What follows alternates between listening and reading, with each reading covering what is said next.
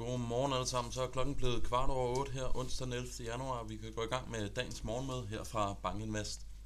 Hopper vi direkte ud i det og går til slide nummer 2. Hvad dominerede så markederne i går? Jamen først og fremmest så var det altså en relativt stille dag, vi var vidne til med hensyn til økonomiske makrodata og med hensyn til pengepolitiske udmeldinger. Så overordnet set, så var der altså ikke de helt store begivenheder, som er at snakke om med dagens eller gårdsdagens markeder. Når det er sagt, så så vi, at lange renter de steg. Vi så, at tyske 10-årige de steg med 8 basispunkter og handler nu 2,31 i rente. Samtidig med det, så så vi også, at de globale aktiemarkeder fortsætter med at stige, og altså har lagt an til, at 2023 starter på en positiv note. Vi så noget optimisme med hensyn til inflationsrapporten, der kommer ud i morgen, hvor jeg tror, at langt hovedparten forventer, at vi kommer til at se et relativt lavt inflationsprint for USA, som ligesom kan bekræfte, at vi er kommet over det her peak inflation tema. Det er altså med til at lægge og understøtte risikovilligheden i markedet. Udover det, jamen noget andet, der også understøtter risikovilligheden, det er den her genåbning i Kina. Jeg kommer lidt tilbage til det senere i præsentationen. Men vi begynder altså at se flere og flere indikationer på, at Kina lige så langsomt begynder at komme op i gear igen. Folk kommer ud og kører bil, folk tager metroen, og produktionen er også forventet så at stige, som følge af den her genåbning, vi ser i øjeblikket. Men det er altså de to temaer, der i øjeblikket er med til at understøtte risikovilligheden, inden vi i slutningen af den her uge og i næste uge begynder at tage hul på de store amerikanske regnskaber. Hopper vi til slide nummer 3, jamen der viser udviklingen i S&P 500, og vi kan starte med at konstatere, at med gårdsdagens opadgående bevægelse, så handler S&P 500 nu over det her 60-dage glidende gennemsnit.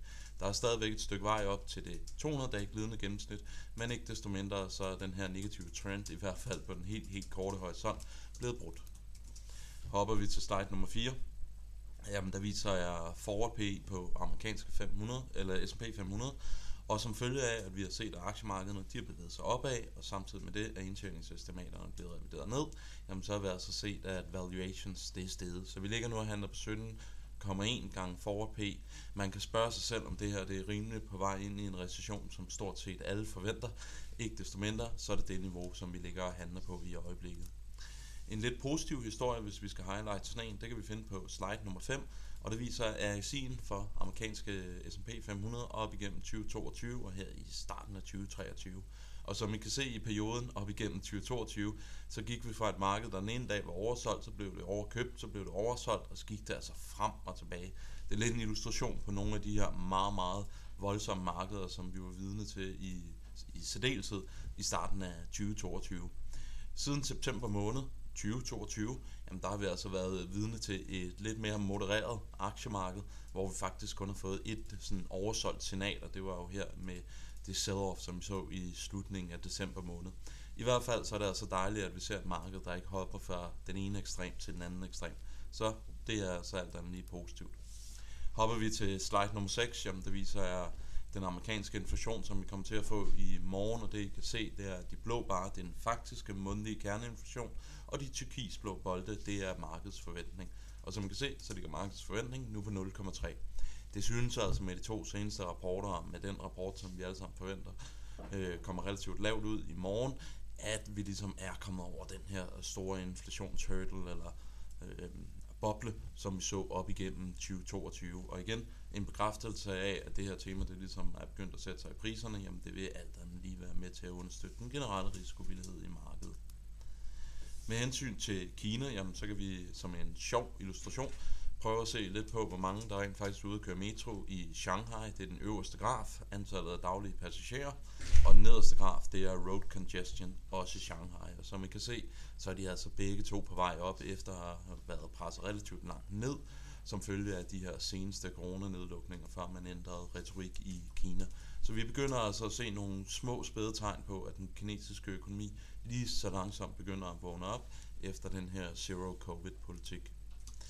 Med hensyn til sentimentet og med hensyn til positionering, så kan jeg jo godt lide at fokusere på den her AAII-indikator, som fanger både positionering og sentiment for private investorer i USA. Den blå linje, det viser sentimentet, og den turkis linje, det viser allokeringen. Som man kan se, så ligger sentimentet stadigvæk ret markant nede.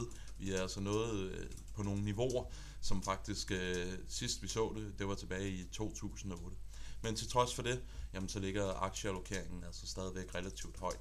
Og det, jeg tror, det her kommer til at være et af de dominerende temaer i særdeleshed over starten af 2023. Altså den her store, store divergens, vi ser imellem den øh, sentimentet og positioneringen i øjeblikket i de finansielle markeder. Her fra morgenstunden, øh, hvad kommer der til at ske? Jamen først og fremmest så ser vi, at Asien det fortsætter med at stige. Det er som sagt som følge af den her genåbning i Kina, som ligger og understøtter risikovilligheden der. Vi får en relativt stille dag med hensyn til makroøkonomiske nøgletal. Det begynder sådan ligesom at starte først rigtig op øh, i morgen med inflationstallet. Vi ser amerikanske aktiefutures, der skrev slidesene, der var det i plus. Nu er det vendt, og nu er det øh, en lille bit smule i, i negativt territorium. Ikke desto mindre, så tror jeg altså, at vi går en dag i måde, hvor det bliver lidt stillhed før stormen i quotation marks. Stormen værende inflationstallet, men grund til at kun sætter det i quotation marks, det er, at vi sandsynligvis ikke kommer til at se den samme meget, meget kraftige markedsreaktion, som vi så på inflationstallene op igennem 2022. Det er det i takt med, at det er alt mere tydeligt for investorerne, at vi er kommet over det her peak-inflationstema i øjeblikket. Med disse ord, jamen, så vil jeg ønske alle sammen en rigtig, rigtig god dag, og vi høres ved i morgen. Hej!